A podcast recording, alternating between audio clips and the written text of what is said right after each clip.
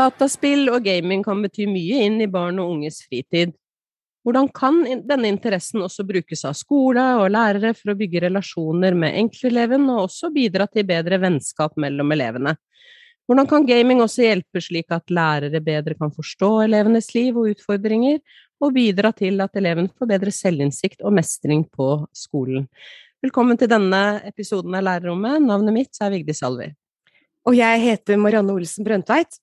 Ja, det er kanskje lettere for en lærer å spørre om uh, hva en elev syntes om uh, ManU-kampen i går, eller hvordan friidrettsstevnet gikk, enn det er å høre om Counter-Strike-turneringa i helga.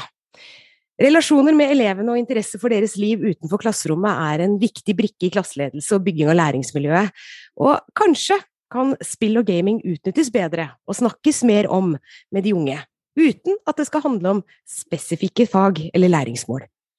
Og med oss inn hit for å snakke om denne vinklingen på gaming og dataspill, så har vi to gjester, og en av dem er deg, Magnus Sandberg. Du er forsker ved NTNU, og der forsker du på spillbasert læring. Men du har også lang erfaring som både lærer i ungdomsskolen og i videregående. Velkommen hit. Takk for det. Og velkommen Nina Borge, du er miljøterapeut, og da har du også hatt mye kontakt med både skoler og lærere og elever, men du er også her fordi du er forfatter av ungdomsromanen Outlaster.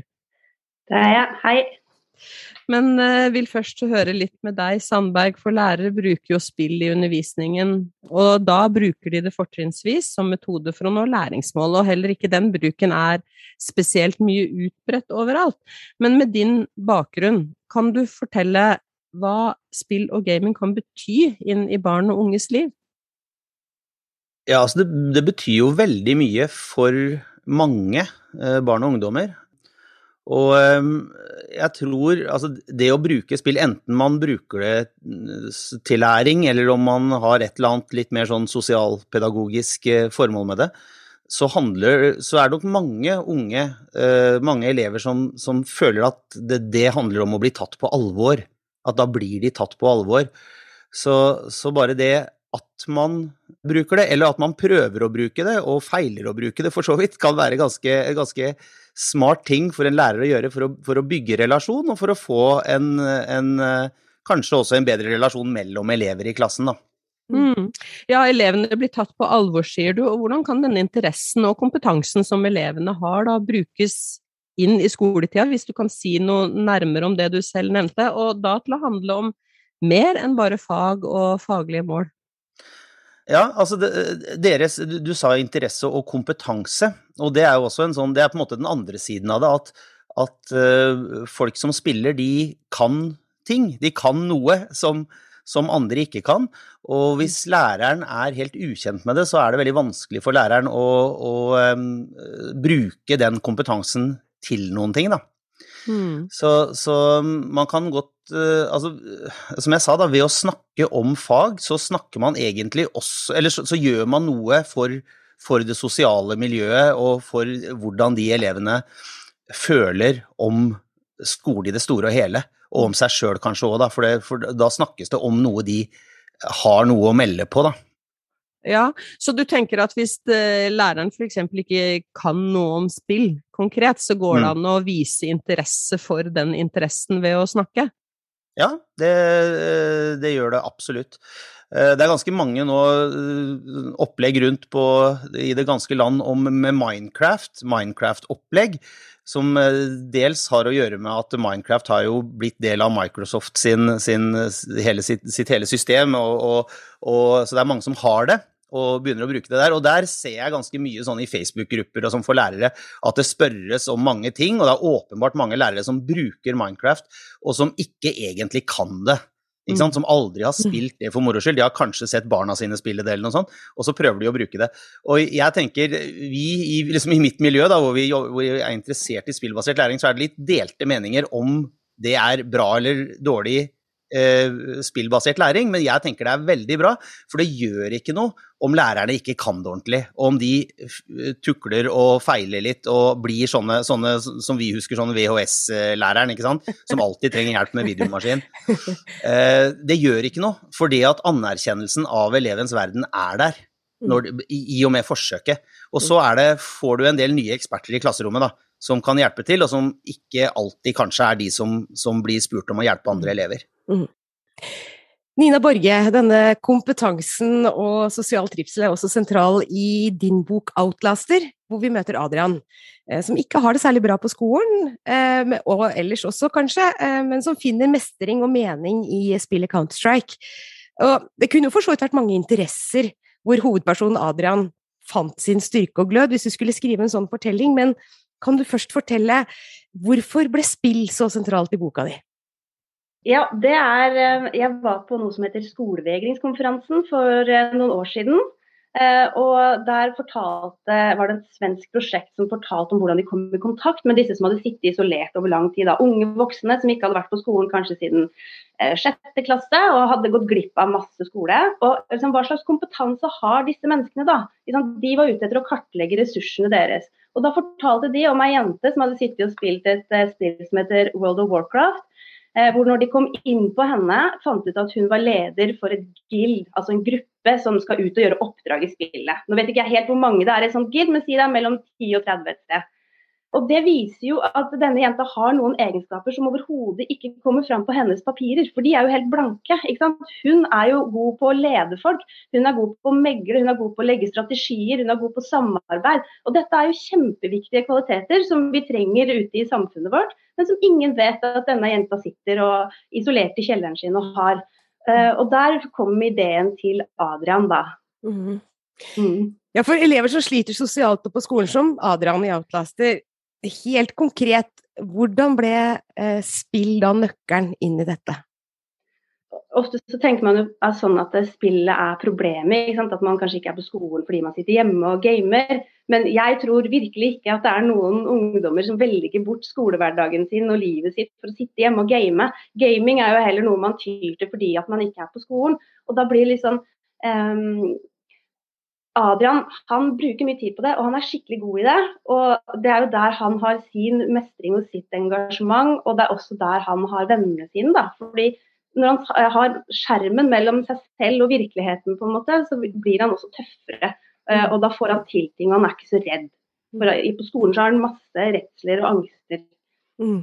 For uten å røpe avslutningen og alle detaljene, det skal vi ikke gjøre, eh, så var gamingen, som du skriver, både en del av problemet, til en viss grad, eh, men også det som ga mening for han. Så hvorfor tror du at vi ser så fort svart-hvitt på gaming og spilling? Er det, er det vanskelig å finne en sunn balanse her? Jeg tror nok veldig mange foreldre sliter med det, ja. Også, det er jo eh, en slags historie bak det også. ikke sant? Fordi at Folk har eh, kanskje hørt mye negativt i media, at folk eh, blir voldelige og spiller spill, eller at man eh, Og så hører man kanskje poden som sitter og banner og sverter oppe på rommet sitt, og så bruker man masse tid foran skjerm, og man skal jo ikke bruke masse tid på skjerm, for det er ikke bra for deg. Så vi har jo med oss en del sånne holdninger, da.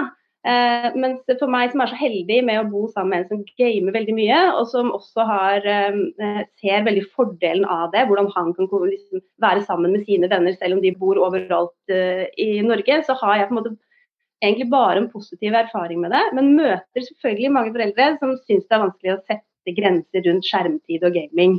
Mm. Mm. Ja, ja, Sandberg, eh, om de mulighetene som eh, Nina Borge snakker om her, hvorfor tror du at det snakkes mest om spillavhengighet og ikke som gaming som en mulighet?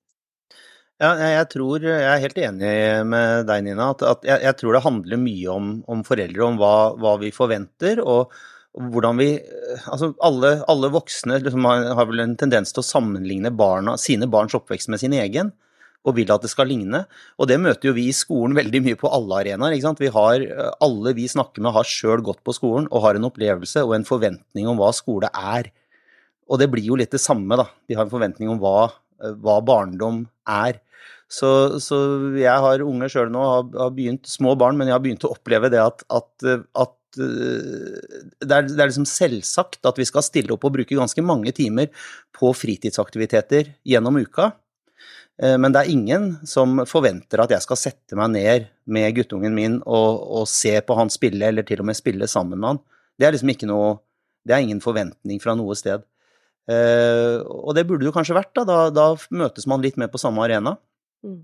Men, men, hva tenker du at uh, skal til, da, for at eh, man skal kunne bruke spill mer eh, som, på den måten som vi snakker om nå, inn i skolen?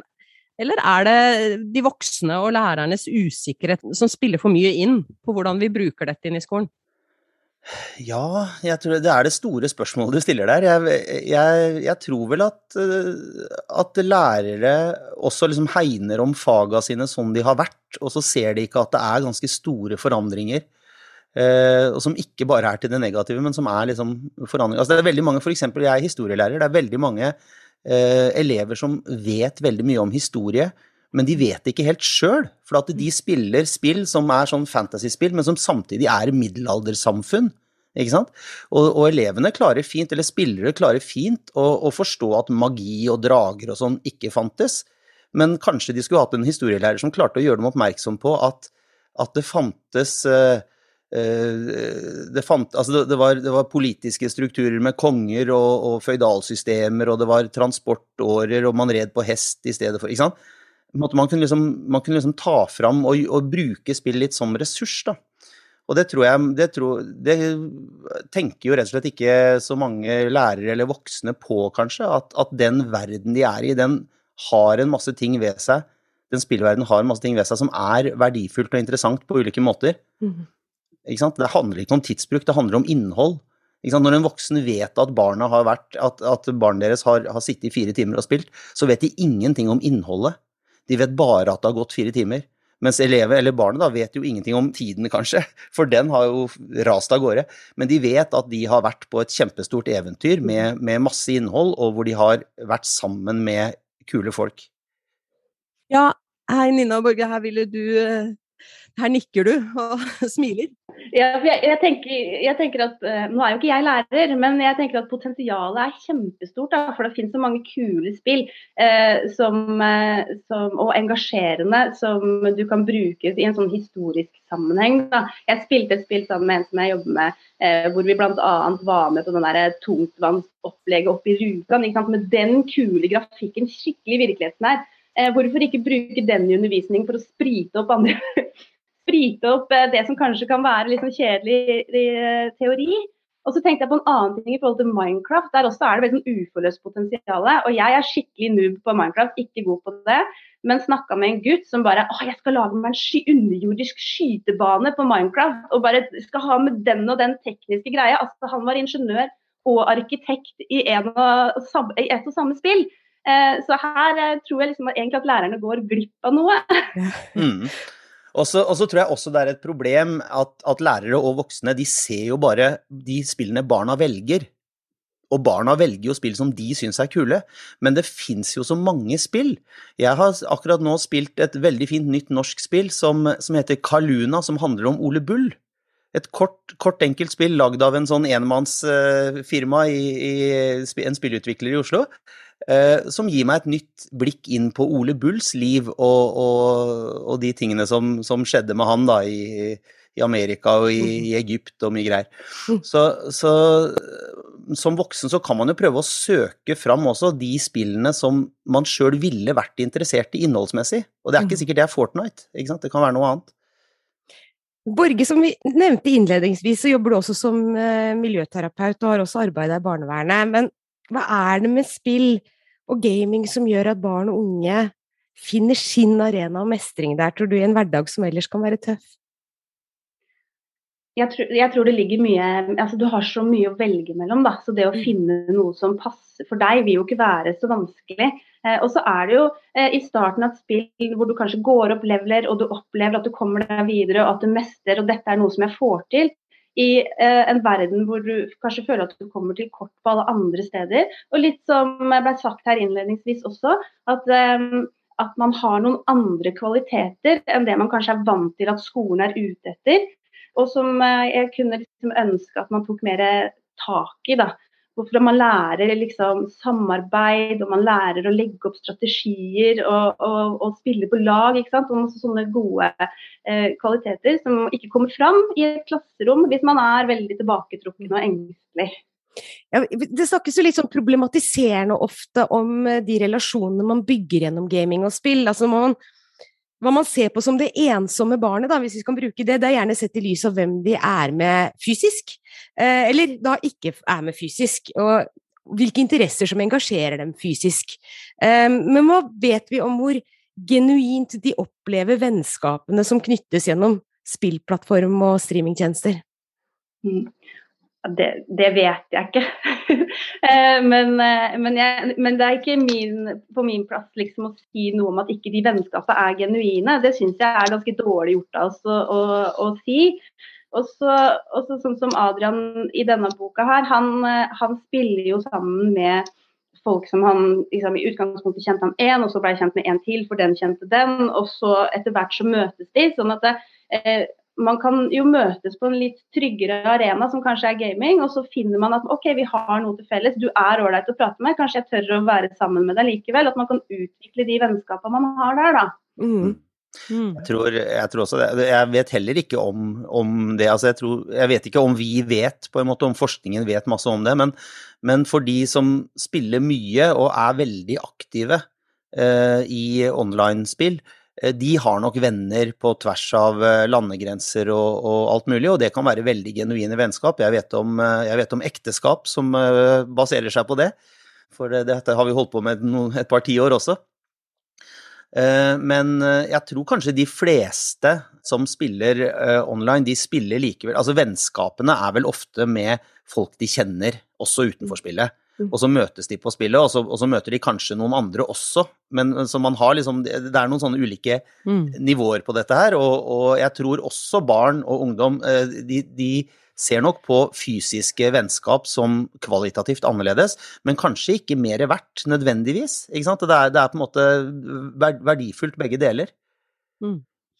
Ja, for å gå litt videre, Sandberg. For elever er jo, som vi snakker om her, ofte flinke til både blogging og gaming, men lærere strever med å bruke det i undervisningen. Og det viser også en av konklusjonene i en doktorgrad fra Universitetet i Sørøst-Norge som kom i 2019, og bl.a. er omtalt på nettstedet Utdanningsforskning.